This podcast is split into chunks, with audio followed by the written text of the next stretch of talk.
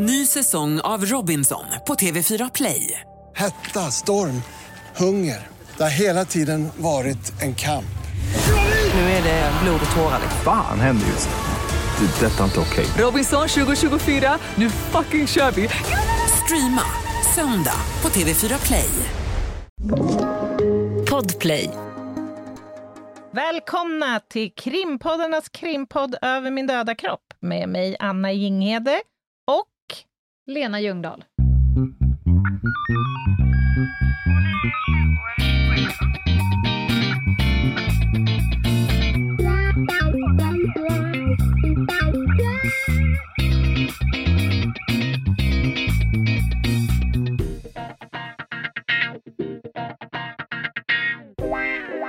Jaha Lena, du är i ropet har man sett. I rop? Jaha, du menar ja, i DN? Jaha, ja, Ja. Bara, det var bara visst någon liten artikel i DN ja. Ja, ja. Men jag hade fel eh, låda öppen i hjärnan. Men nu har jag stängt den och öppnat en ny. Jo, Ja. men eh, absolut. Jag blev intervjuad i DN och då ville ju reportern att jag skulle prata om eh, bombdådet i Göteborg. Mm. Och då var jag ganska tidig med att säga att ett, jag eh, prat, uttalar mig inte så här om specifika händelser eh, nu. Eh, och så har jag inte, eh, antingen har jag insyn eller så har jag inte insyn och oavsett så är det fel att prata. Mm. Men jag eh, fick prata generellt, och det kan jag ju gärna göra. Det Mm. går ju helt i linje med podden, men generellt om hur polisen arbetar vid den här typen av grova brott. Och eh, det är ju lite udda och lite spännande, men det blir ju också väldigt spektakulärt så fort saker och ting sprängs. Ja, det är något speciellt brinner. med det där. ja, Får jag bara fråga, tycker inte du det är ganska skönt i de där lägena att inte ha någon insyn i det specifika ärendet? Jo, verkligen, för då behöver man inte tassa, man behöver inte vakta sin tunga, så att säga. Sen har ju jag ju massa eh, egna tankar och gissningar och sådär, och det håller jag mig också eh, utanför, utan jag försöker, som i vanlig ordning, precis som vi alltid gör, vi försöker sprida kunskap. Mm. Så att där beskrev jag egentligen vad polisen gör initialt i såna här typer av händelser, eh, hur man tänker, vad inre och yttre spaningen gör, var man letar och var man inte letar och vilket enormt gediget arbete som pågår, allt från förundersökningsledare ända ut till dörrknackaren. Mm. Och också det forensiska var vi faktiskt inne på. Mm, Det var ju en det. djävulskt massa lägenheter eh, involverade. Alltså, och då försökte jag beskriva hur vissa processer i en brottsutredning går fort som fan, Mm. helt enkelt. Medan det finns några Jinghede som lurkar runt. Som istiden. Lugnt, metodiskt Ja. och strategiskt för att det ska vara så. Ja, det måste ju vara så. Jag menar, bara det här att få fram en ritning över här, en sån här fastighet, eller upprätta själv Ja. någon form av skiss. Alltså vi snackar ju Mm. många timmars arbete bara för den Mm. delen. Mm. Där, Och- och det måste ta tid. Just, och just sånt här så tänker jag att folk kanske inte vet. Och sen så säger ja men eh, hur svårt ska det vara att hålla sig borta? Ja. Ja, det kan vara allt från jättesvårt till jättelätt. Det beror Mm. på, precis som vanligt. Mm. Ja, men, men eh, jag konstaterar att eh, det blir alltid väldigt eh, spektakulärt när saker och ting sprängs, Mm. och det gör ju det. Eh, här och nu, då och då. Och därför bestämde vi oss att vi ägnar hela avsnittet idag åt bomber och granater. ja, men det är väl en bra grej. Det passar ju Vad har bra. du för erfarenhet? Men jag har erfarenhet från liksom lite olika håll egentligen. Dels från obduktionsverksamheten i identifieringssammanhang. Ja, det känns ju som att det ofta blir... Eh, det hamnar så att säga på ditt bord. Ja, det, den risken är ju ganska stor. I alla fall om man har befunnit sig i någon form av epicentrum Mm. där sprängningen har skett. Och för er nya lyssnare, det där var kanske för luddigt, men Anna eh, ingår alltså i identifieringsarbetet inom polisen och framförallt enkom när kroppar är så tilltygade att man måste identifieras via tänderna. Mm. Då är du inom polisen solo på det. Mm. Mm. Det kan man säga på, när det gäller tandidentifiering. ja. Helt Exakt. riktigt. Ja. Nej, men Mm. och sen, eh, vet jag har ju min forskning och jag har gått igenom en massa fall där. Några där är sprängningsdåd. Vi har, jag har ju naturligtvis i min vardagliga tillvaro kommit i kontakt med det här när man till exempel anträffat sprängmedel eller eh, flyttstädat, du vet, och hittat någon gammal eh, handgranat på farmors vind och sådär. Mm. Eh, DVI-händelser som jag har varit nära är ju ja, dels Drottning... Eller eh, det är inte Drottninggatan. Bryggargatan heter den, va? Gam ja, och Gamla Brogatan, du pratar om den 2010 va? Exakt. Men du får återigen förklara det vi, som du swishar förbi. Ja, jag ber om ursäkt. DVI handlar ju alltså då om katastrofidentifiering. Ett, eh, en metod framtagen av Interpol på 80-talet som tillämpas då människor anträffas döda och utan känd identitet. Disaster, Victim, victim, identification. bra. Ja, och sen eh, ja, lite olika så här hemmaexperiment gone wrong, så att säga. Mm. Lite sånt åker vi ut på också. Mm. Ja, men det är en mischmasch eh, av olika situationer kan man väl säga, som jag har kommit i kontakt med det här fenomenet. Du Mm. då? Vad, vad har du i bagaget? Ja, några så här händelser jag kan komma på. Man har ju ibland fått spana på personer som är liksom misstänkta för det här moduset. Och det är ju en annan typ av eh, riskanalys man får göra då. Mm. Det här med att hålla avstånd får ju... Det hamnar liksom under lupp. Mm. Man vill ju gärna hålla avstånd till saker som kan sprängas. ja. så att säga. eh, men sen tänker jag också på, som våra kära IGV, IGV alltså ingripande verksamhetspoliser Mm. har att komma till. Där vet man aldrig, jag har ju själv stått på platser där det är liksom en misstänkt gasläcka, misstänkt Mm. gasexplosion och man ska då spärra av för att hålla allmänheten borta men vara tillräckligt nära för att kunna jobba. Det, är, det är lite, blir Mm. nästan så silly walks, man Mm. vet egentligen inte initialt vad är ett bra avstånd? Är det två meter Mm. eller är det två kilometer? Mm.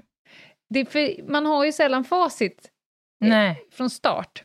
Och sen kom jag faktiskt att tänka på en handräckningsbegäran när vi som polispatrull skulle hjälpa Kronofogden att avhysa en person Mhm. från en lägenhet. Eh, och de hade fått indikation på att det här är en riktig knäppjök. Mhm. Så att när vi går in i lägenheten, då sitter han naken på golvet Mhm. eh, med eh, en cigg i mungipan, en tändare i handen. Runt om honom är det helt plaskvått eh, i en ring runt om honom och så luktar det ganska fränt med gasol. Ja, Ja, just det. det är Ah. då man bara “Hallå!” Då blir det ju liksom, då moonwalkar man ju ur situationen Ja. och, och så får man ju tänka till här. Vad skulle kunna hända om vi går in och han blir sur? Ja. Vad har han liksom riggat?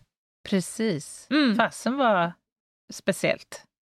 Det är nästan en filmisk scen. Ja, verkligen. Jag tänker också på det. Jag har ju jobbat eh, nära nationella bombskyddet som vi kommer prata lite Just. grann om vid olika tillfällen. Och det är ju faktiskt alltid en pulshöjare att stå på sitt behöriga avstånd, så att säga. Mm. Och se de här människorna då kliva i sina robotdräkter, så att säga. Ja. Och kliva fram där. ja. Det... De ser Ja. ut som att de ska vara med om en bättre månlandning. Mm, mm.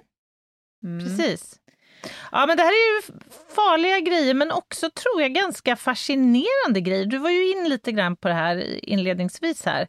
Att det blir ofta mycket skriverier efter de här sprängningsdåden och vad det nu kan vara. Vad beror det här på, tror du? Ja, men eh, nu tänkte jag, vad hette den här hundraåringen som hoppade och studsade, eller jag kommer inte ihåg vad den Som hette. gick ut genom fönstret och försvann. Ja, jag vet inte. Mm. Han hade en fascination för att spränga Just saker. Jag tror att det är någonting, dels att det är spektakulärt när liksom...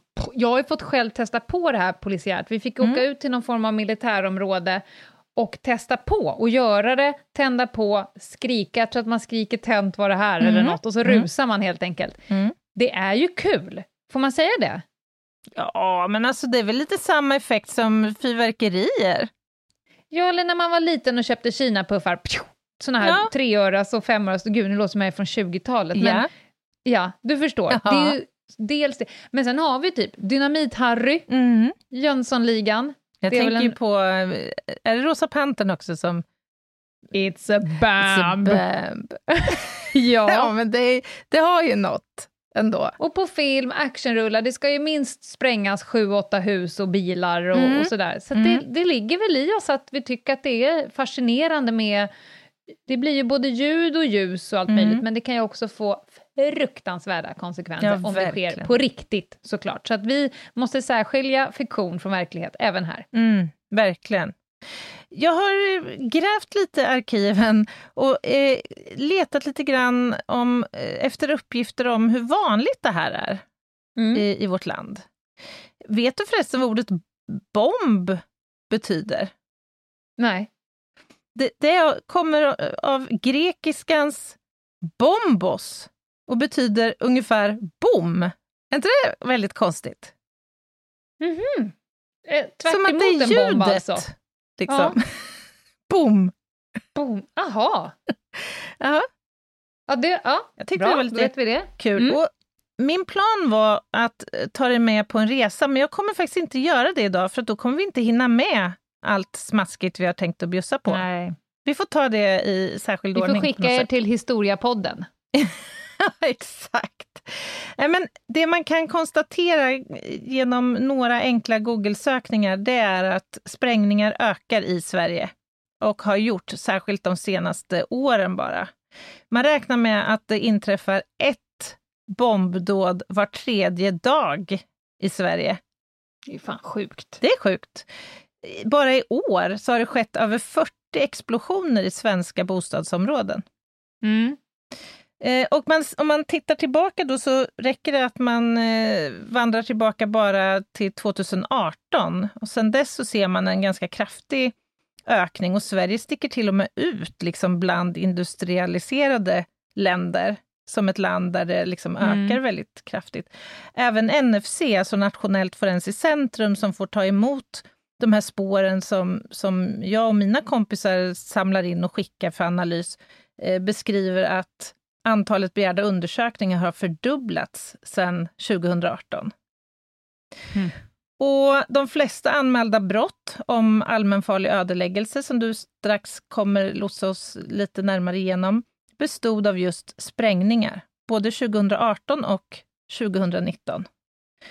Och 2019 så anmäldes 257 brott om allmänfarlig ödeläggelse genom sprängning. Och det här var då nästan 60 procent fler än 2018. Men varför är det så då? Varför ökar det? Alltså jag får uppfattningen eller känslan att det här verkar vara någon, något, en, någon ny, ny slags metod bland liksom kriminella i de kriminella nätverken. För det är ju ofta kopplat till liksom den organiserade kriminella världen.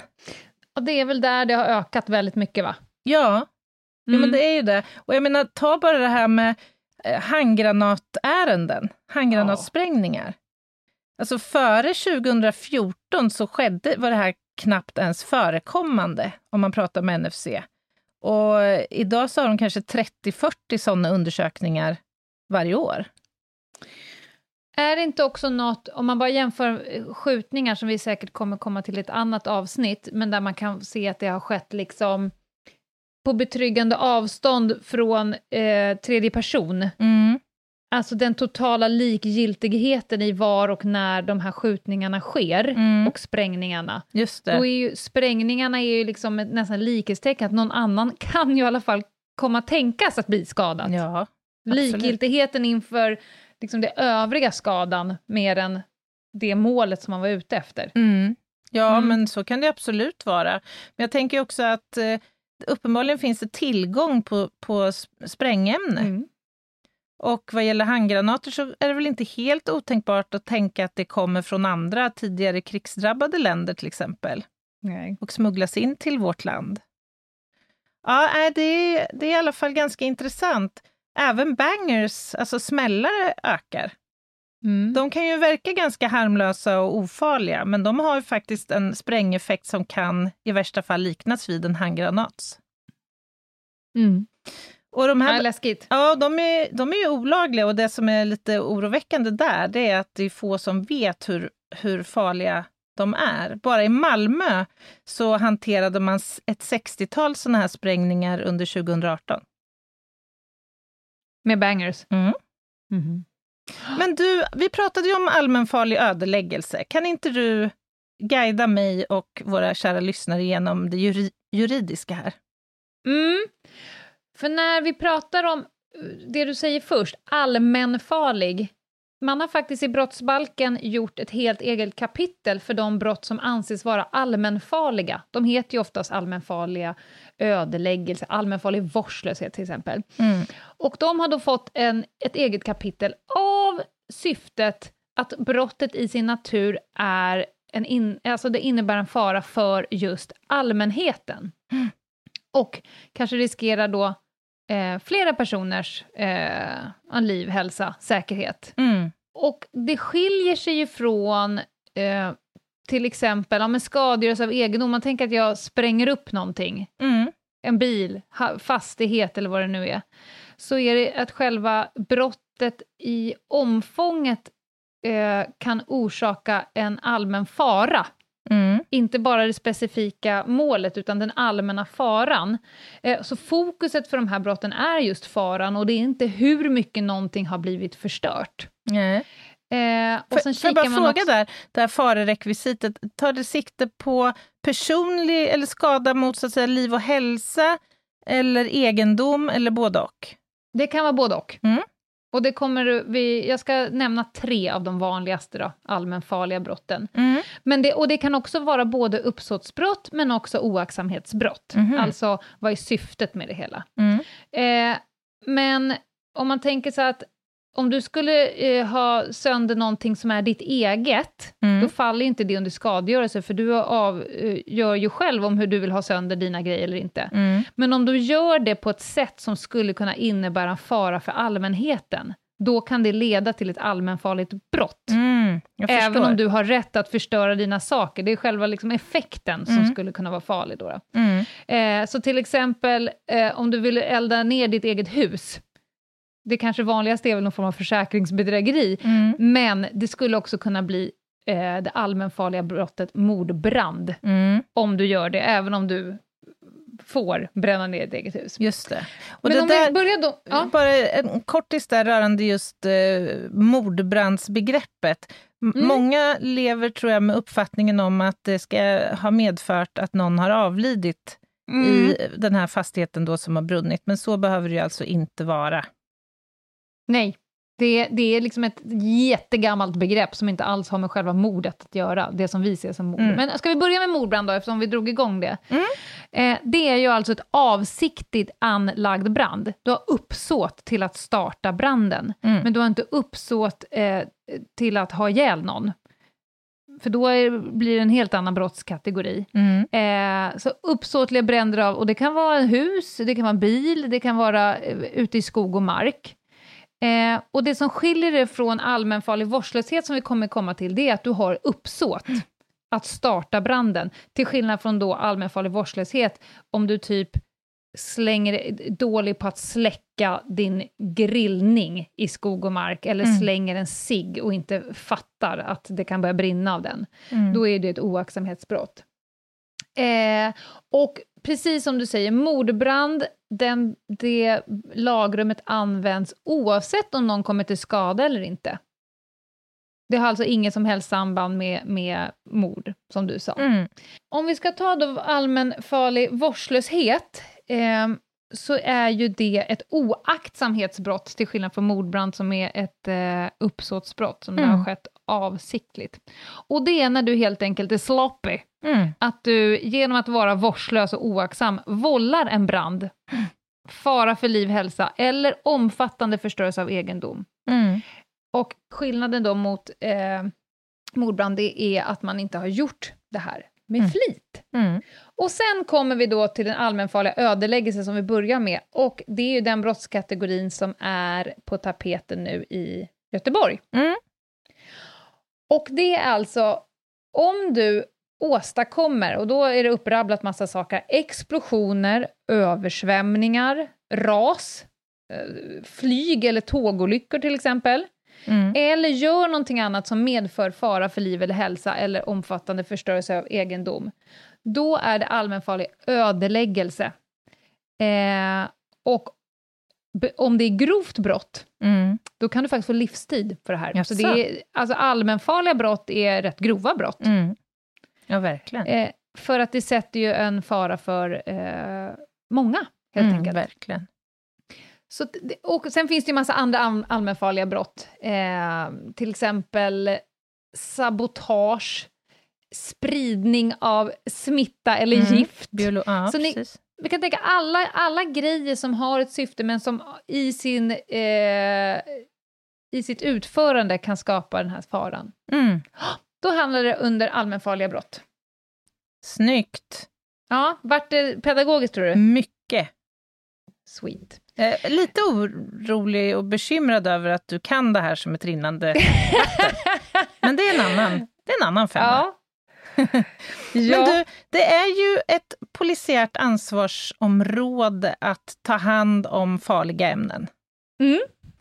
Vi har ju haft ett avsnitt på CBRNE. ja. Det kanske vi ska puffa lite grann på, därför att det vi nu ska komma in på, nämligen explosivämnen, Mm. ingår ju som en del i CBRN. Ni får scrolla er bakåt och då kommer ni också hitta ett avsnitt där vi pratar om eh, postala hot. Mm. Sporer och skit, eller det kanske är samma avsnitt. Jag, jag säger pass på kungen där. Pass på kungen, men vi har i alla fall också pratat om postala hot, folk som skickar äckliga sporer och, och sprängmedel faktiskt i, i Just det. postgången. Precis. Det kan ni också lyssna på. Absolut. Ja, men låt oss ta oss in på explosiva ämnen då, Anna. Ja. Är det ett område som du går igång på? Ja, alltså explosivämnen är ju något som jag... Ja, jag går lite igång på det. Jag, tyck, jag tycker ju faktiskt att bränder också är ganska spännande att jobba med. Det är intressant Jag tror att du kriminalteknik. gynnas av att kalla det eh, intressant Ja. än spännande. Just det. det är intressant. Jag finner det intressant att jobba med den här typen av ärenden. Nej, men, eh, det, det är absolut intressant. Och det här med explosivämnen är lite av en djungel.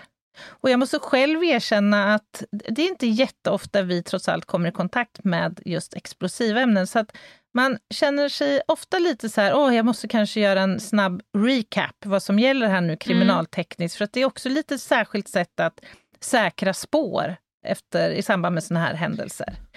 Fråga. Mm, Eh, nationella bombskyddet har ju mycket kunskap. mm, Kriminaltekniker har ju good enough, Mm. eh, så att ni kan jobba. Har kriminalteknikerna, forensiker, har ni bombexperter? Precis som ni Eh. har ballistiska experter och blodexperter. Ja, jag förstår vad du menar. Inte liksom uttalat, men det finns ett par tekniker i landet som är, skulle jag säga, experter Okej. på det här med postblast och som blir ens eh, frikort, höll jag på att säga, det menar jag Ja. inte, utan ri- ring en vän-kort som man kan Ja. ta till när man Mm. behöver ställa specifika frågor. Annars har vi också en väldigt bra kontakt med MBS, alltså nationella bombskyddet, för Såklart. liksom konsultation och sådär. Mm. Eh, om vi ska försöka ge oss på en definition av vad ett explosivämne är, så brukar man beskriva det som eh, ett ämne eller en blandning av ämnen som kan bringas att reagera under snabb energiavgivning utan att andra ämnen, till exempel luft, behöver tillföras. Och om man vill veta mer om eh, liksom en, få en närmare beskrivning av eh, inte bara explosivämnen utan också explosiva varor och brandfarliga varor och sådär. Då skulle jag vilja slå ett slag för lagen om brandfarliga och explosiva varor.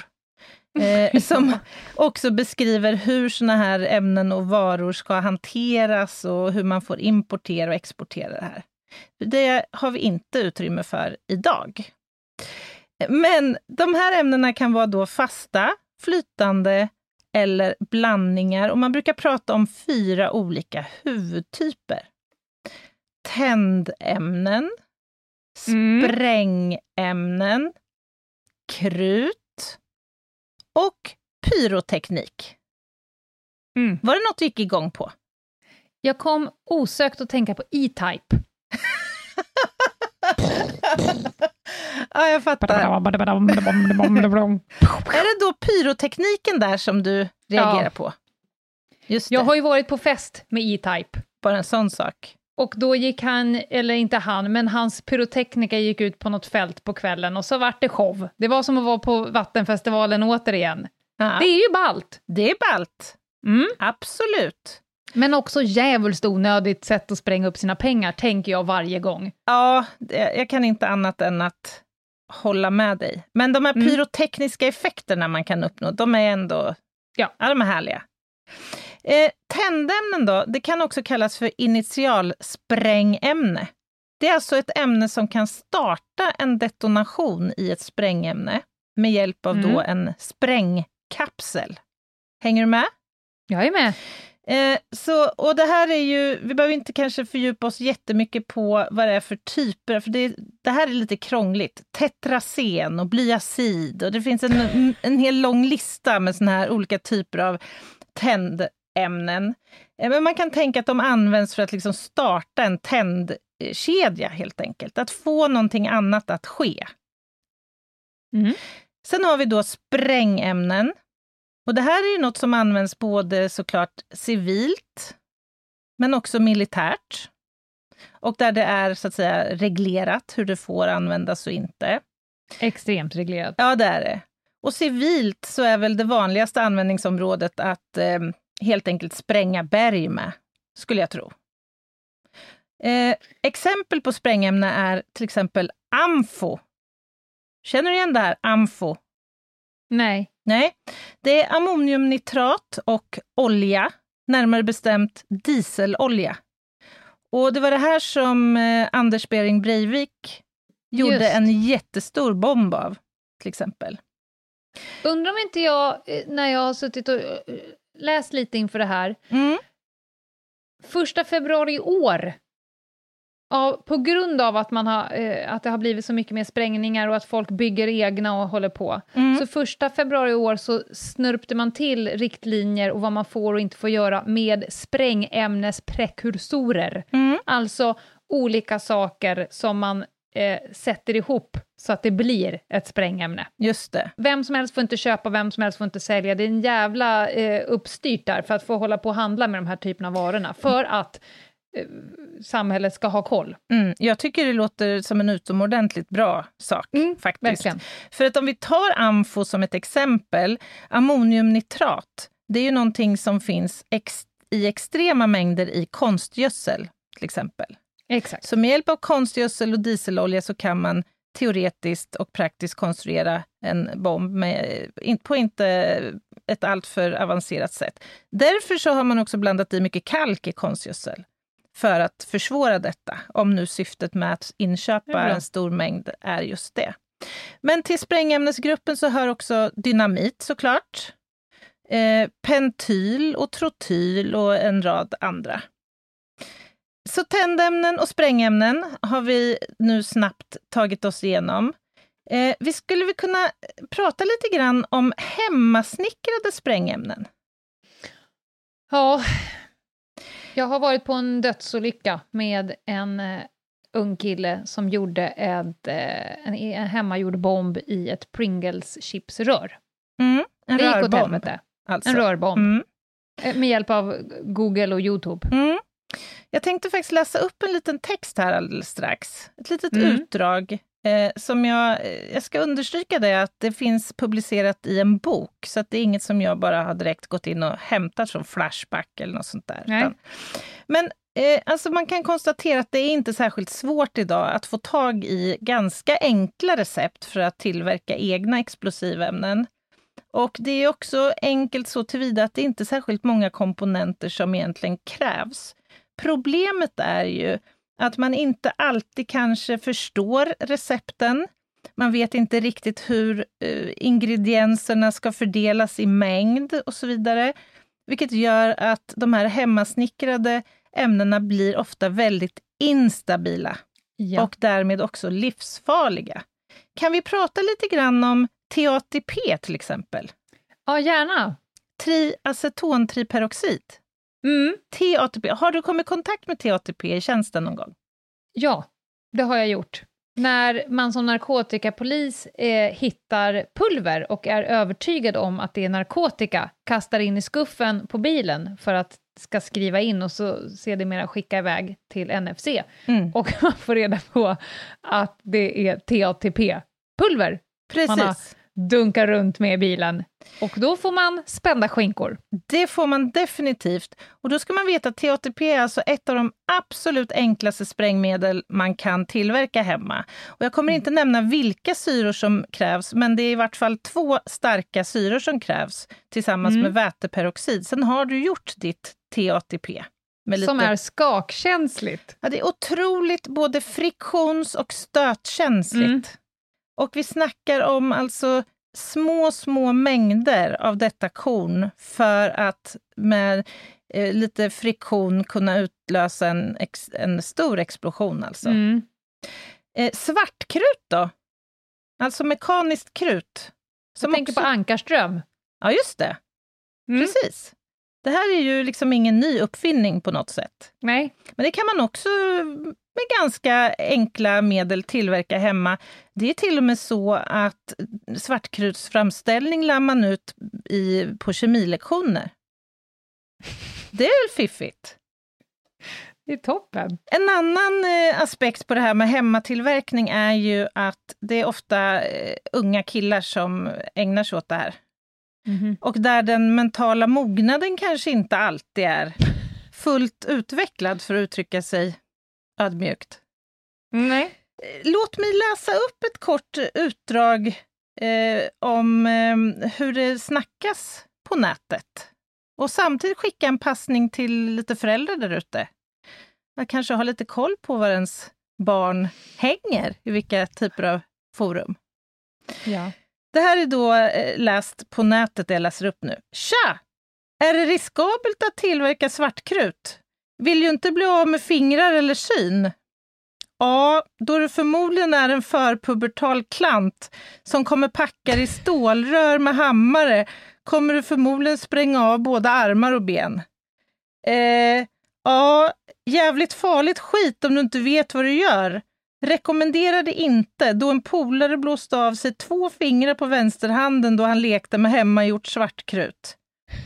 Det är ju ganska farligt ja, eftersom det väl är explosivt. Allt kul är riskabelt, som droger, pyroteknik och våldtäkt mot barn, fick eh, skribenten in där. Vilken jävla mix! Mm. Ja, och det kommer under kategorin allt som är, är farligt är kul. Ja, Ja. precis. And so it goes, liksom. Jag behöver inte ens läsa mer, eh, men jag tror att du förstår att det här är en obskyr verksamhet som genast måste upphöra. Ja, och eh, med det så går vi på paus. Jag ska gå och ta ett litet snack med min son. Och strax tillbaka. Ett poddtips från Podplay. I podden Något Kaiko garanterar östgötarna Brutti och jag, Davva, dig en stor dos skratt. Där följer jag pladask för köttätandet igen. Man är lite som en jävla vampyr. Man har fått lite blodsmak och då måste man ha mer. Udda spaningar, fängslande anekdoter och en och annan arg rant.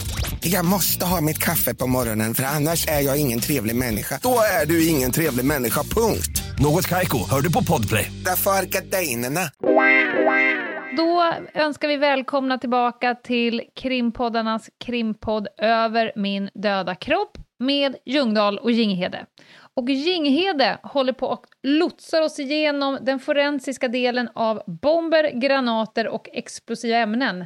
Yes. Vart ska vi härnäst? Det här är ett gigantiskt ämne alltså, så att det här blir ett X2000 som drar igenom den And här... it builds up, and it builds... Lite Förlåt, så. det var en intern grej. Ja. Ja. Eh, Som eh, sp- sprängämnen betraktas så finns det också militära former som jag inte tänker gå in på här.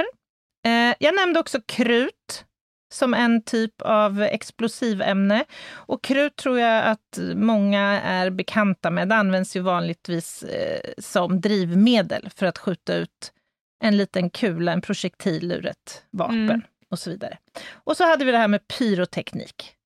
E-Type, eh, piff och puff, så att säga. Men jag måste bara säga en sak, just för att man, hur jävla potent det här kan vara. Mm. Jag bor ju eh, i ett flerfamiljshus Mm. uppe på ett berg, högt, över en sjö. Under oss så spränger de tunnlar Just det. för att utvidga Stockholms tunnelbanesystem. Mm. Och de här sprängningarna eh, sker mest eh, kvällstid av någon anledning. Underbart timing. Och djävulskt i min lilla låda alltså. Mm. De har ju då varit och mätt innan eh, sprickor och sådär i husen för att de ska kunna mäta efterhand om det blev något dåligt. Mm. Men det är så att huset skakar. Ja, det är helt sjukt alltså. Ja, Tryckvågens effekt. Exakt. Kommer du ihåg Lena brandtriangeln från plugget? Ja, det gör jag faktiskt. Gör du det? Ja. Vad är det vi har? Det, jag tror att eh, vi behöver syre. Yes, check. Vi behöver eh, något brännbart material. Ja, ett bränsle. Och, och vi behöver en värmekälla. Oh, oj, oj, oj! Full jag pott! bävar! Fy fan, annars hade jag blivit lynchad av mina brandiskompisar. Det du pratar om är tre eh, saker som behövs för att åstadkomma en eh, förbränningsreaktion. Exakt. Och det är precis vad som också sker vid en explosion, som jag tänkte vi skulle prata lite grann om nu. Det är bara det att det sker då mycket, mycket fortare än vid en, liksom, om du ska tända en brasa i din kamin till exempel. Mm. Ja, för det, jag är sämst, sämst i världen på att tända eld kan jag det. säga. Där kan man få vänta. Ja, Ja. det blir, du får slicka på en fryst Gorbis om du vill äta med mig. Förenklat, det som sker vid en explosion, det är i alla fall att, eh, mäng- att gastrycket byggs upp snabbt eh, och expanderar, vilket skapar då ett extremt högt tryck som till slut kommer utlösa en tryckvåg. När det Mm. säger boom då. Och den här tryckvågen har en förmåga att liksom förstöra egentligen allt som kommer i dess väg. Först och främst så får man en eh, kontaktverkan på platsen där eh, explosionen har skett. Och det här kan man se i form av en krevadgrop. Alltså en, en grop, helt enkelt, där tryckvågen har liksom fortplantat sig neråt och orsakat en stor eh, destruktion, helt enkelt. Som en liten krater. Som Eller en- stor. Precis. Eh, och explosioner kan ske i huvudsak på två sätt. Dels genom detonation och dels genom deflagration. Mm. Men jag tycker att vi eh, pratar främst om detonation, för det är trots allt det vanligaste. Och det som händer då, det är att den här förbränningshastigheten som vi just pratade om, den sker så oerhört snabbt. Fortare än ljudets hastighet. Till skillnad Mm. från deflagrationen där det går lite, lite långsammare. Och det finns ju en poäng med att den här seriekollisionen, eller vad vi ska kalla det, som då börjar med en stöt och där det sen byggs upp det här trycket som till slut löser ut den här tryckvågen, faktiskt blir så kraftig. Det är den principen man använder vid till exempel bergsprängning. Då vill man ju eh, uppnå en förödelse, om du Ja. förstår vad jag menar. Och den här tryck... Får jag bara Ja. säga en sak? Eh, jag fick ju förmånen eh, stipendie att åka till New York Ja, och eh, besöka arkitekter, arkitektbolag som bygger bort faror i eh, stadsmiljön på Manhattan. mm. Inte bara där, men typ FN-huset och så vidare. Mm. Times Square, Ground Zero, ställen som helt enkelt där det inte får ske någonting, varken PDV-attack eller sprängning och så vidare. Och då kommer jag ihåg att jag fick sitta och titta på filmer, när Mm. man då fick se hur mycket medel de hade och olika typer av detonationer och vad det kan orsaka. Mm. Alltså, Ja, men det är, jag har ju gått eh, utbildning på de här grejerna och det är ju Ja. otroligt fascinerande, precis där du säger. Och hur man kan rikta sin sprängverkan ganska exakt, ju, om man har kunskap om oh det. ja. Mm. Och den här tryckvågens hastighet, den varierar ganska mycket mellan olika typer av ämnen. Men du kan alltså få uppnå en hastighet på den här tryckvågen på 9000 meter per sekund. Ja, Det är inte en eh, fredagsbrasa i, i Lena Ljungdahls kamin inte. Nej. Nej. Nej, det är det inte. och då är det ganska lätt att förstå att det blir skador. Dels då på platsen, som jag var inne på, men också att det uppkommer stötvågor som sprider sig i alla riktningar. Vi får värmestrålning och vi kommer få effekt av splitter som sprids i alla möjliga riktningar. Livsfarligt. Verkligen livsfarligt. Och när vi ändå pratar om det här med explosioner, då passar det väl bra att vi också använder begreppet bomb. Ska vi prata lite om bomber? Mm. Vad har, vad har, du, på, vad har du på bomber? Jag har ingenting. Nej. Nej, det var kanske att ta i, men jag är extremt tunn. Hit me. Hit you. Alltså, en bomb är ju ofta någon form av behållare som man använder sig av och fyller med sprängämne som man då med hjälp av någon form av tändanordning får att explodera. Mm. Eh, och ett begrepp som är ganska vanligt förekommande det är ju IED. Mm. Improvised... Improvised Explosive Devices. Just det. Alltså hemmasnickrade historier pratar vi om nu. Och de här bomberna är ju då eh, konstruerade utifrån sitt ändamål, så att säga. Ska den placeras eh, under en bil eller ska den bäras i ett eh, bombbälte eller ska det användas som eh, vägbomb eller något sånt där? Och förenklat då så krävs tre ingredienser för att det ska vara betraktas som en bomb. Vi behöver ju dels ha en explosiv laddning av något slag. Mm. Vi behöver också ha en detonator, det vill säga oftast en sprängkapsel. Och Mm. De här kan se lite olika ut. De kan vara elektriska eller kemiska i sin eh, sammansättning. Det kan också vara lite andra varianter av konstruktioner, men förenklat nu. Och den här detonatorn då, den ska ju utlösa själva sprängladdningen och ge den då den här höga förbränningshastigheten som vi var inne på alldeles nyss. Och sen behöver vi också en utlösande mekanism, eller Mm. en initieringsmekanism. Den där eh, har ju jag kommit i kontakt med lite kopplat till PDV. Mm. Alltså när man har att göra med gärningspersoner som vill ha ihjäl väldigt många, vad man ska titta lite efter och Mm. vad som skulle kunna vara en utlösare. Eh, allt från en mobiltelefon till en knapp från en sladd Mm. till att det är en utlösare som löser ut så att det blir ljust eller att någonting öppnas eller någonting stäng, stängs. Eller det finns ju väldigt många olika sätt. Jäklar, nu imponerar du Ljungdahl. Ja men visst, Verkligen, jag må vara smal men här och där glittrar jag till. verkligen. Jösses. Nej, men du pratar ju om, du har ju rabblat upp ett, ett gäng olika tändningsanordningar här. Mm.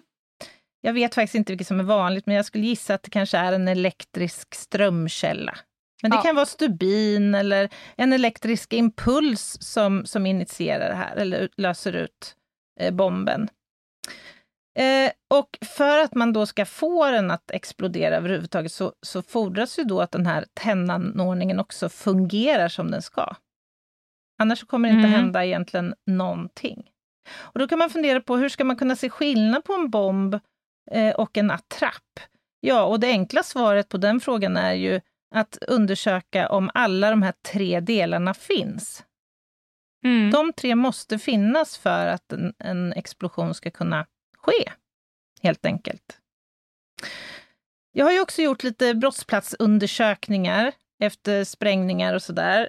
Alltifrån bankomater till eh, an, andra situationer egentligen. Jag har inte jättestor erfarenhet helt enkelt för att det inte händer jätteofta i vår del av Sverige. Men ändå. Och ingångarna kan ju vara lite olika. Ibland så kan det ju vara att åka ut och titta på ett misstänkt farligt föremål som man misstänker kan vara en bomb eller någonting Mm. annat. Ehm, och eh, vi har ju som sagt bra resurser i vår omgivning här. Dels samverkansmöjligheter med ja, MSB och vi har räddningstjänsten och Försvarsmakten har ju experter på det här och då inte minst nationella bombskyddet. Men förenklat då, upplägget vid en så kallad postblast, alltså eftersprängningsundersökning, det är att som, som alltid annars när vi har brottsplatsundersökningar, eh, undersöka en, en plats eh, med hög grad av systematik naturligtvis. Och vi kommer att radda upp ett antal frågor när vi står där med vår termos på platsen. Mhm. det är naturligtvis att försöka eh, besvara frågan, vad är det för typ av sprängladdning? Är det en handgranat eller en IED? Eller, alltså vad är det som har detonerat? Var har det här skett? Alltså placeringen på den här sprängladdningen, var är den? Hur ser den här sprängladdningen ut? Hur är den konstruerad? Finns det samband med andra sprängningar? Och kan vi utifrån spåren på platsen säga någonting om ett modus? Kan vi säkra komponenter här som vi känner igen från andra liknande händelser till exempel? Eh, så därför så gäller det här att man vill säkra såklart så många och så mycket spår som möjligt eftersom det kommer att hjälpa till ofta ganska mycket i själva utredningen av den här gärningen. Och det är det man kan tänka sig tar tid nu i Göteborg då, till exempel. Men det är ju vid explosioner, precis som vid bränder, det måste ju bli mer utmanande för er av den enkla anledningen att själva gärningen har ju satt sprätt på rätt mycket av bevisen. Ja, men så är det ju. Det här är verkligen Eller, utmanande. eller skickat iväg dem. Ja, men exakt. Och ibland så kan vi ju hoppas på att vi eh, torkar av, som man gör i de här fallen, man gör så kallade avtork, på en viss yta med förhoppningen att vi ska ha fångat upp sprängämne, men vi ser inte med blotta ögat. Och sen Och det är får... ungefär som vad avtork, ni kan jämföra med när ni ibland åker i världen och på flygplatser är det någon som svabbar er med en liten Exakt. tyglapp och stoppar Mm. in en apparat och sen så sniffar den runt på den där lappen och säger att om du har varit i kontakt med sprängämnen. Mm. Exakt. Ja.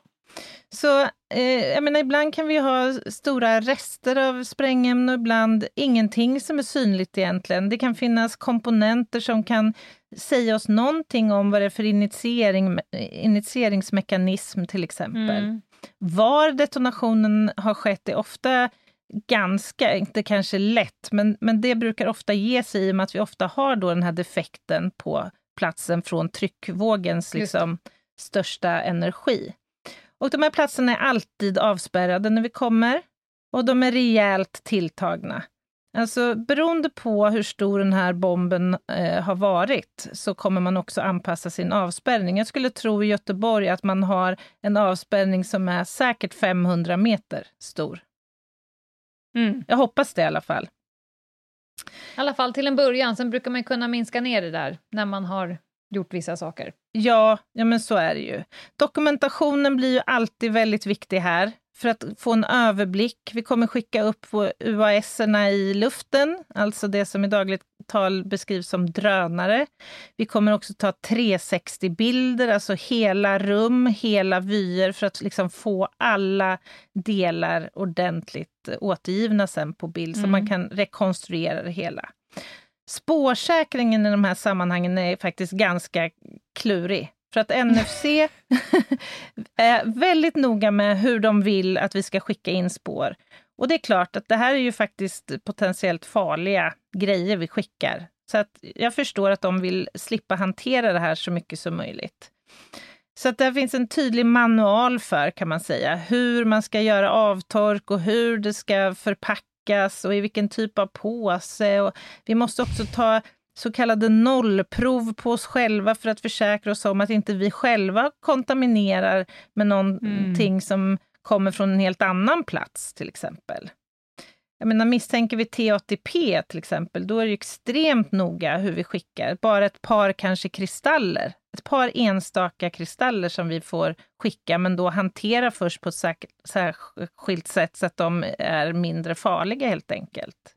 Mm detonerade sprängkapslar och batterier och elledningar och sånt där är ju såklart alltid superintressant om vi kan hitta, för de kan det ju faktiskt till och med sitta DNA på och fingeravtryck och sådär. Så att vi får inte heller glömma bort liksom den här traditionella eh, kriminaltekniken. Och vi tar hjälp av MBS. Har du... Ja, berätta lite kort om dem. Ja, Nationella bombskyddet, de har haft sin verksamhet i snart tio år. Jag tror de bildades 2013. Och det här är en nationell resurs som eh, vi har tillgång till då i hela landet egentligen, även om de inte finns fysiskt på alla orter i landet. Och de här är ju de första vi kontaktar inför en brottsplatsundersökning. Eh, och stöter och blöter med och ofta begär biträde av, så att de kommer Mm. ut till platsen helt enkelt. Och deras primära uppgift är att säkra platsen och de här föremålen som eventuellt finns där. Eh, och framför allt det de är jäkligt duktiga på är ju att bedöma farligheten. Låt säga att det står en ryggsäck med en lapp på utsidan som det står bomb på. Och så öppnar Mm. vi upp och ser någon form av behållare där in i. Det kanske sitter en, vad vet jag, äggklocka monterad på den där. Eh, Så, så kan det vara svårt för oss utan att hantera det här och bedöma om den här faktiskt är farlig. Och är den farlig så vill vi ju inte vara nära den såklart. Nej. så där har vi jättestor hjälp av MBS som då kan säkra det här föremålet och oskadliggöra det och transportera bort. Har du sett dem i action någon gång? Men jag vill bara förtydliga att det fanns ju alltså bombskyddspoliser innan 2013. Det är bara att Absolut. organisation... För att de jag, jag tänker nämligen på en gubbe, när vi gick någon form av bombskyddsutbildning, sådär generell som alla ska gå. Mm. Eh, det måste ha varit 2000, vadå? Fyra kanske. Mhm. Och då sa han, det finns två typer av bombskyddspoliser. Det finns dumdristiga och det finns levande. Ja, nej, men jag tycker de är härliga eh, och det är väldigt skönt när de kommer och, och de har ju säkerhet eh, först, så att säga, och, och bara bedöma det, farligheten, men också att oskadliggöra grejerna. Mm.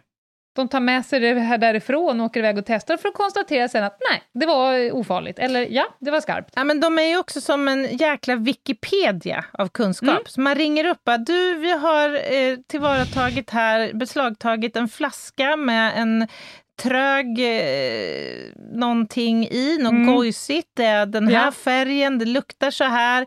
Har du någon idé vad det kan vara? Ja, jag tänker direkt på tre saker som det skulle Ja, kunna vara. Man bara, ja, det okej, okej. roligt. Alltså, Ja. de är grymma faktiskt. Men Mm. du, ska vi prata lite grann om motiv vid sprängningar och gärningspersonerna? Vilka, vilka är de? Ja, det känns som att det är lite olika kategorier. Allt från de här eh, gängsprängningarna nu, Mm. när de försöker bomba upp varandra. Men sen har vi ju, inte vet jag, det fladdrar väl runt ett par dynamit-Harrys och sådär. Men Ja. jag fascinerar, det som enar dem, tänker jag, är likgiltigheten inför oskyldigt drabbade. Mm. Nu vet jag inte om det finns någon skyldigt drabbad, eller hur man nu ser det, men att det kan ge en stor skada Mm. på flera stycken. Mm. Det, det, den är inte så, vad säger man, det är inte så träffsäkert Nej. modus. Nej, men precis. Och när jag tänker tillbaka på den ringa ändå erfarenhet jag har, så jag tänker dels på rättshaverister. Mm. Jag tänker på den organiserade eh, brottsligheten. Och jag tänker på de här hemmafixarna, kemikillarna Ja. som det oftast är. Det, jag har, jag har faktiskt aldrig hört talas om att en tjej har pysslat med det här på sin kammare. Det, det känns som att det är ett mod som man kan ta till vid extrem upplevd liksom, kränkning och behov av hämnd. Mm, mm, Eller? Som absolut. ett uttryck för en enorm... Men det är eh, väl liksom på något sätt den ultimata liksom, effekten man vill åt, eller liksom Ja. effekten av rädslan som hotet Där faktiskt innebär. Ja, Mm. faktiskt. Eh, Apropå det, jag kommer ihåg, jag, nu kommer jag tyvärr inte ihåg siffran, men jag kommer ihåg min egen reaktion när jag fick höra hur många bombhot som polisen hanterar och bedömer och behöver liksom antingen vidta åtgärder eller bestämma sig för att inte vidta åtgärder vid Mm. varje dag, eh, år i Sverige. Jag kommer Mhm. inte ihåg siffran, men jag kommer ihåg hur jag bara shit, man ska fan i mig inte darra på manschetten när man sitter och får höra, ah, nej men nu är det någon som ska spränga, inte vet jag, Hö Hötorgsskrapan 3. Åh, fy. Ja, få höra vad, vad sa de? Och sen är det någon som berättar då, ja det lät så här. Nej, nej det tror jag är falskt. Åh, det där skiter vi. Gud. Du vet, man ska, man ska vara rätt stabil. Ha rena kalsonger. Men du minns inte den exakta siffran, men minns du om det var oftare skedde? Ja, det var Ja, det jag kände, ja. att så många. Och Men fy. därför tog jag nu fram en liten fapp. Jag vet, Anna, att du vissnar som en jävla krokus.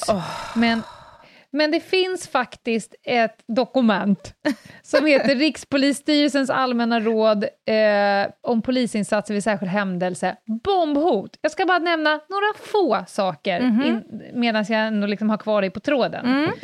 Och det är att det är uppstyrt om hur man hanterar eh, bombhot och vad definitionen är. Och sen lite så här omedelbara åtgärder vid bombhot. Ni tänker att någon ringer in till polisen och säger hej, jag heter Kalanka, jag kommer att spränga, inte vet jag, Hallsbergs tågstation idag klockan två, typ. Någonstans där så behöver man börja bearbeta det här. Och det man gör då, det är att man eh, tar in så mycket uppgifter man kan. Eh, man är extremt noggrann vid den här eh, inhämtningen.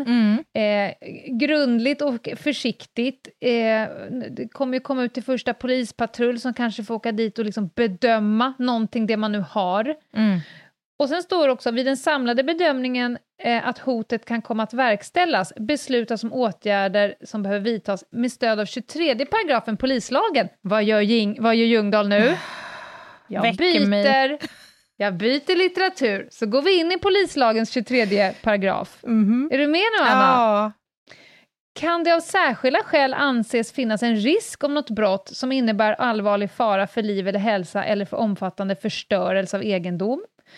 Och sen står det jadi, jadi, jadi, jadi. Sen kommer det här. Då får polisman i syfte att avvärja brottet eller bereda skydd mot detta i anslutning eh, bereda sig tillträde till hus eller rum för att söka efter sprängmedel, vapen eller annat för, farligt föremål, avstänga, utrymma eller förbjuda, förbjuda tillträde till ett hus, rum, annat ställe och så vidare. Och så vidare. Man har alltså utökat polisens befogenheter att vidta tvångsåtgärder, Mhm. mer än det som vi har gått igenom i två avsnitt Avsnitt. Ja. för att skydda allmänheten mot fara. Det är då de kan spurta in i Hötorgsskrapan nummer tre och säger alla ut, Ja. ingen får gå in. Mm. Eh, så det var bara det jag ville säga, att det finns någon som har tänkt till, även här. Mm. Mm. Härligt. Sen har jag en sak till att säga. Det finns ju fler aktörer. Nu har vi pratat om nationella bombskyddet, vi har pratat om polisen. Eh, det finns ju någon gubbe där, forskningschef på Totalförsvarets forskningsinstitut. Vapen, skydd och säkerhet i Grindsjön, det är ett litet eh, FOI-ställe, som är expert. Alltså det finns ju experter i varje myndighet. MSB Ja, har experter på det här området. Och så ringde jag också en kompis till mig som jobbar som brandman. Mhm. För jag tänkte att det måste vara utmanande. Verkligen. Nu kanske det kommer smälla här, men det vi vet är att det brinner. Det kanske också kommer smälla. Kan inte ni åka dit och släcka branden, är ni snälla? Ja, inte bara det, de utsätts ju också faktiskt för attentat. Ja, Med ja, pyroteknik bland annat. det också. Men då frågar jag så här, vad gör ni? Vad har ni för rutiner? Och då var det lite så här, mm, skruva lite på sig. Jag vet inte om vi har så här skriftliga rutiner, men vi jobbar mycket sä- eh, erfarenhet. Eh, vi inväntar generellt att polis på plats säger att platsen är tillräckligt säker så vi kan gå in och börja jobba. De inväntar ju som vanligt bombskyddet, eh, även de. Eh, I övrigt så har de lite samma rutin som vid PDV. Det är intressant. Mm, verkligen. Eh, men också att det är väldigt svårt att göra riskbedömningen. Alltså, någon inom räddningstjänsten ska ju bedöma när är det tillräckligt säkert att skicka in rökdykare och börja Ja. släcka bränder. Kommer något sprängas eller har något sprängts så mycket så att faktiskt konstruktionen Mm. Mm. kan kollapsa Mm. när de är där inne för att någonting har detonerats? Mm. Inte lätt. Nej, de har ju ett otroligt farligt yrke egentligen, Ja, man tänker efter. Ja, nej men det är ju inte en enmansshow det här. Vi har ju inte överhuvudtaget pratat om våra fyrbenta vänner, som ju är till jättestor hjälp för oss. Hundarna, som kan eh, söka och markera för explosivämnen till exempel. Och vapen och vapendelar. Ammunition. men då, det måste vi ju återkomma till. De får ju ett helt eget avsnitt på sniffkunskapen. mm, Ett till. just det, ett till. Jag vet också att det finns sniffhundar i robotformat. Jag var på en mässa Mm. och tittade på eh, tekniska prylar som man hittar på nu för att kunna upptäcka PDV-attacker. Mm. Och då finns det faktiskt eh, r- robotar. Tänk dig R2D2 har parat sig med Pluto ungefär. Mm. Som då glider runt i köpcentrum eh, med enda uppgift att sniffa efter sprängmedel Mm. eh, och andra farliga saker. Och sen när den gör det, den här Fido, Mm. larmar till och sen så är det utrymning. Ja, Det ja. är coolt ändå. Ja, men det är supercoolt. De här bomb-sniffers, de finns ju i alla möjliga skepnader. Mm. Det används på flygplatser och Ja. eh, NFC och eh, Mm. på alla möjliga ställen. De är fantastiska.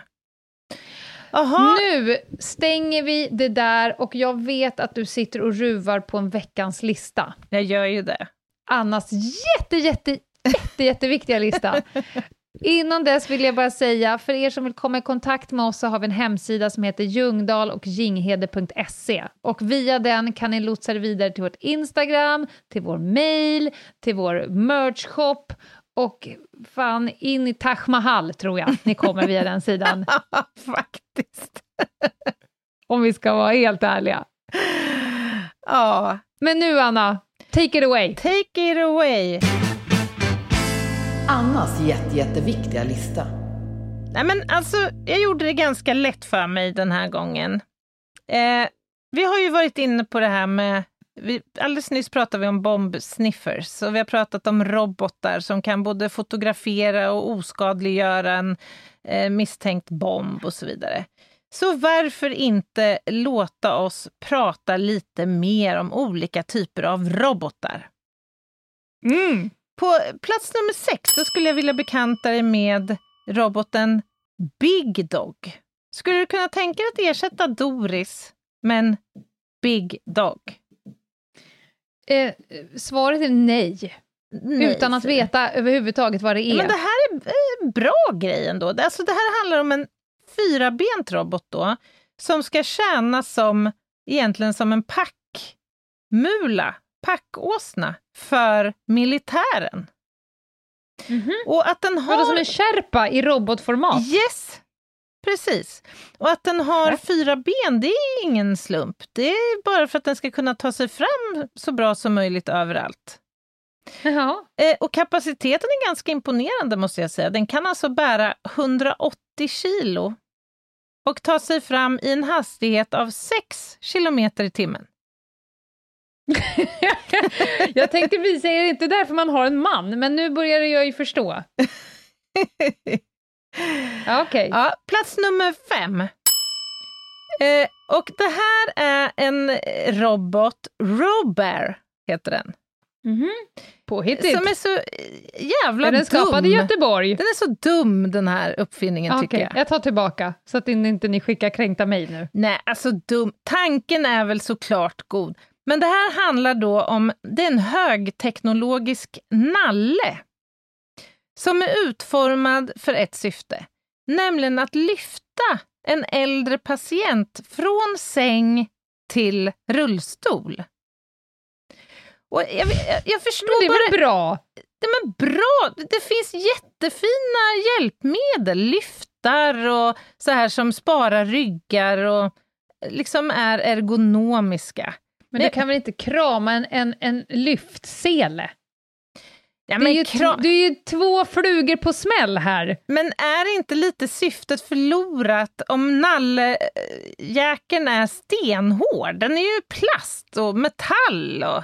Ja, men där finns ett utvecklingsområde. Om du tänker de här gamla Calico-dinosaurierna, så du Ja. får ju peta på lite sån här ludd och sen lite billig krossa, krossad plysch utanpå. Ja, Då är vi ju hemma! Det skulle vara det då i så fall. Den, Ja. Jag har sett bild på den. Den är otroligt otymplig också.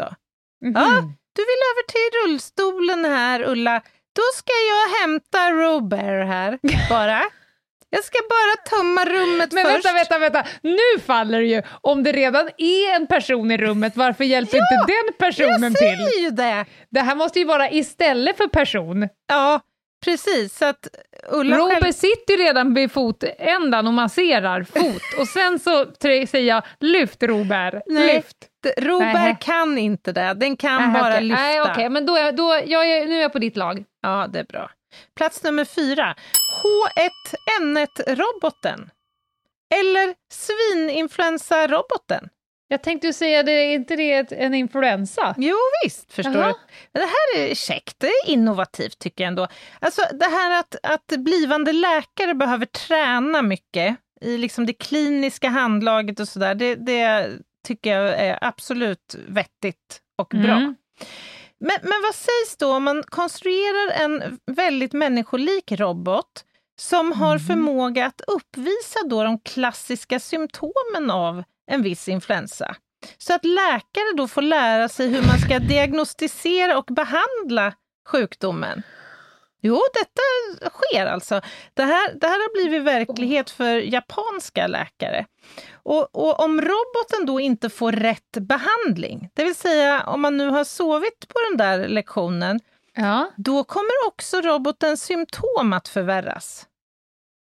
Men fy fan, det här är asballt. Ja, Så, här, ah, så får de in då en, en plastdocka, Ja, the just real doll.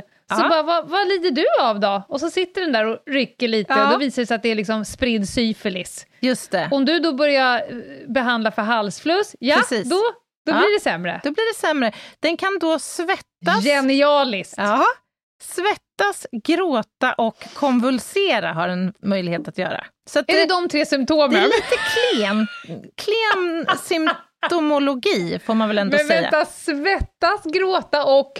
Konvulsera. Vad är det? K- eh, krampa, va? Krampa?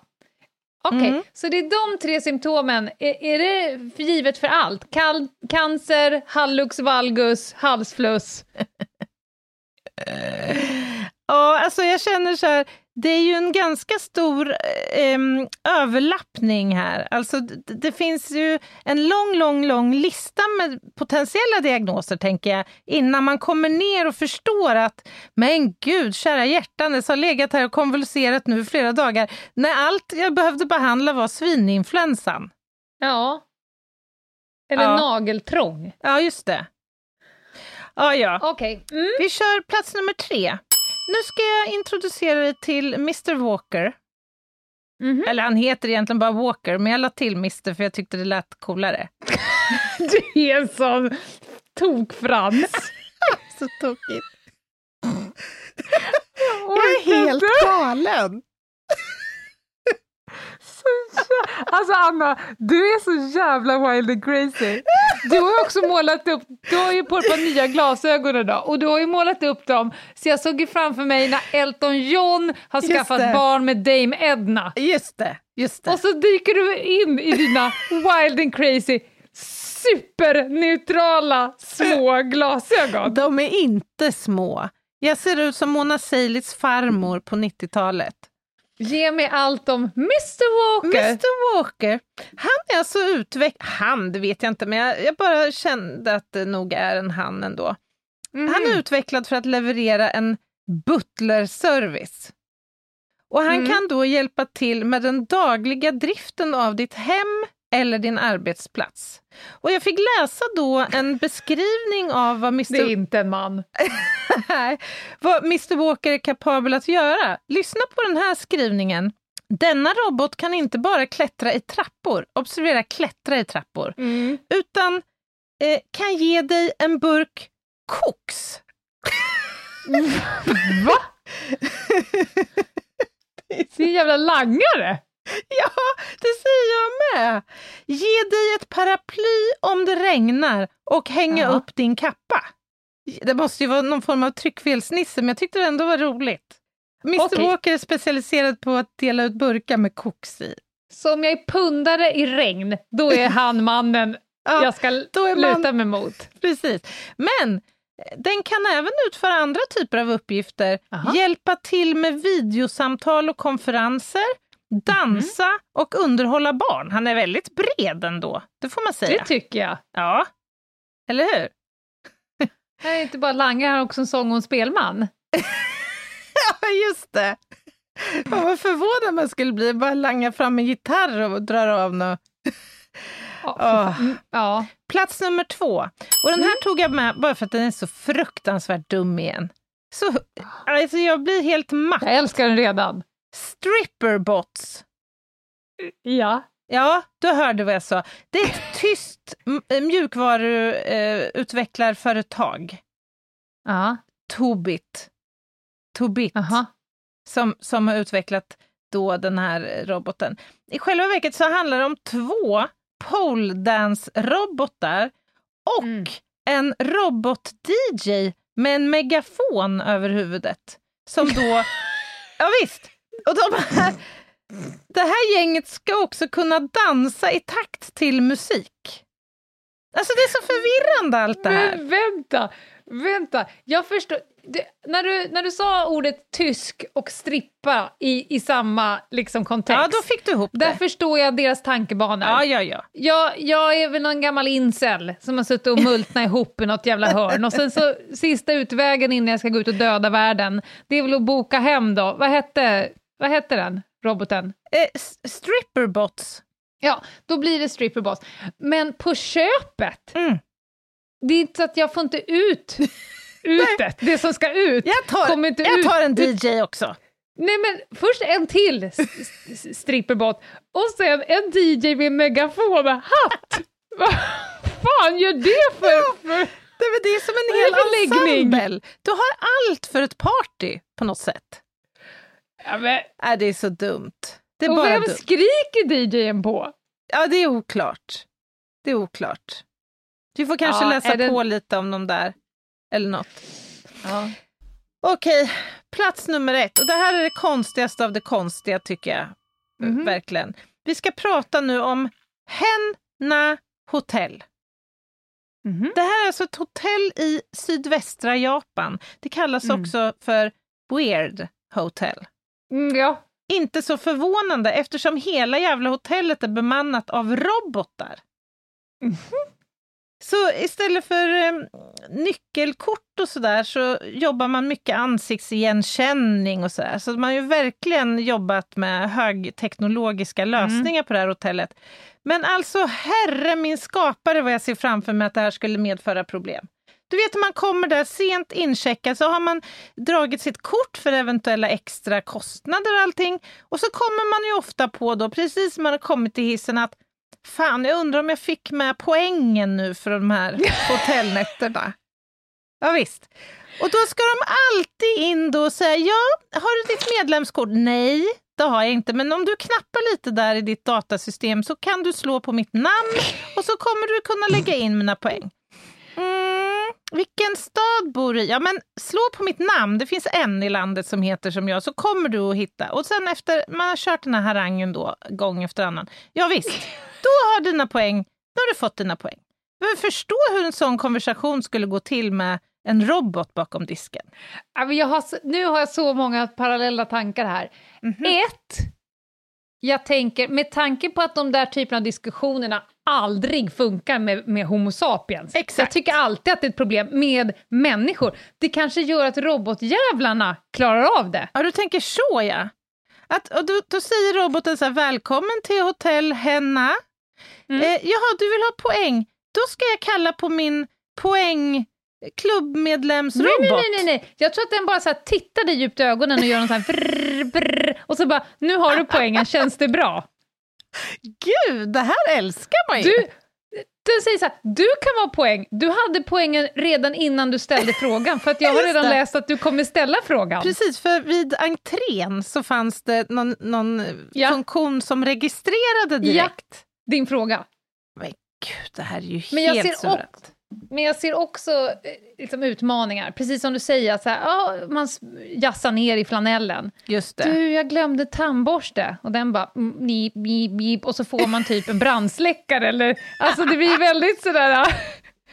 jag är inte programmerad för tandborste, så de måste ju programmera utav helvete. Ja, du förstår alla Du dessa... går upp på rummet, Ja, de säger jag kommer upp med din tandborste, du det. går upp på rummet, in kommer de med den tyska stripperbot, med han med megafonen på huvudet. Ja, just det, just det. Jag har bäddat ner mig då lite i sängen. Jag väntar på room service, säger vi. Jag har inte ätit Ja. något på hela dagen. Och in kommer två strippbots och en robot-DJ med sån där på huvudet. Jäsingens, alltså. Ja. Åh, Vad, sa- vad sa du nu för, för något förstärkningsord? Vad fan var det som kom ur ditt... Ja. Jäsingens? ja, det är ett pikt eh, förstärkningsord. Ja, Oj, oj, oj. Ja, fantastiskt Anna. det var vad jag hade att bjucka på i den här listan. Jag tar med mig en robotkärpa som kan bära alla mina saker. Just det. Just det. Tänk dig hela det här gänget i någon form av kluster. Alla de här robotarna tillsammans. Det är Mr Walker som ska bjuda på Ah. koks och det är robot Du ska gå på någon sån här deppig teambuilding med dina nya gruppmedlemmar. Ni ska på sån här skrattyoga tillsammans. Just det. Ha, ho, ho, ho, med megafon. Ah, Nej, nu får vi ge oss. ja, nu får vi ge oss. Du ska ju åka tåg nu. Jag ska genast eh, slänga på mig ett ombyte och bege mig söderöver å tjänstens vägnar. Så att jag har inte tid med det här. Nej. Vi hörs allihopa på liven på lördag 11.30 på Instagram. Det kommer vi att göra. Och sen är det en ny vecka och då Mm. är det spaning igen. Jajamän. Det är så vi håller på i den här det är så podden. vi jobbar. Vi skulle kanske behöva fundera lite på om det kan finnas utrymme för att utveckla en robot här för att avhjälpa... Jävla dröm. Jag var, I en sekund så var jag rädd att jag skulle säga om det fanns utrymme att trycka in ett avsnitt till eller någonting i veckan. Och det kan meddela Jinghede, att det kan du glömma. Det kommer inte att ske. Det kommer inte att ske. Nej. Hörni, ha det bra allihopa och ta hand om er. Yes, vi hörs. Bye! Bye, bye.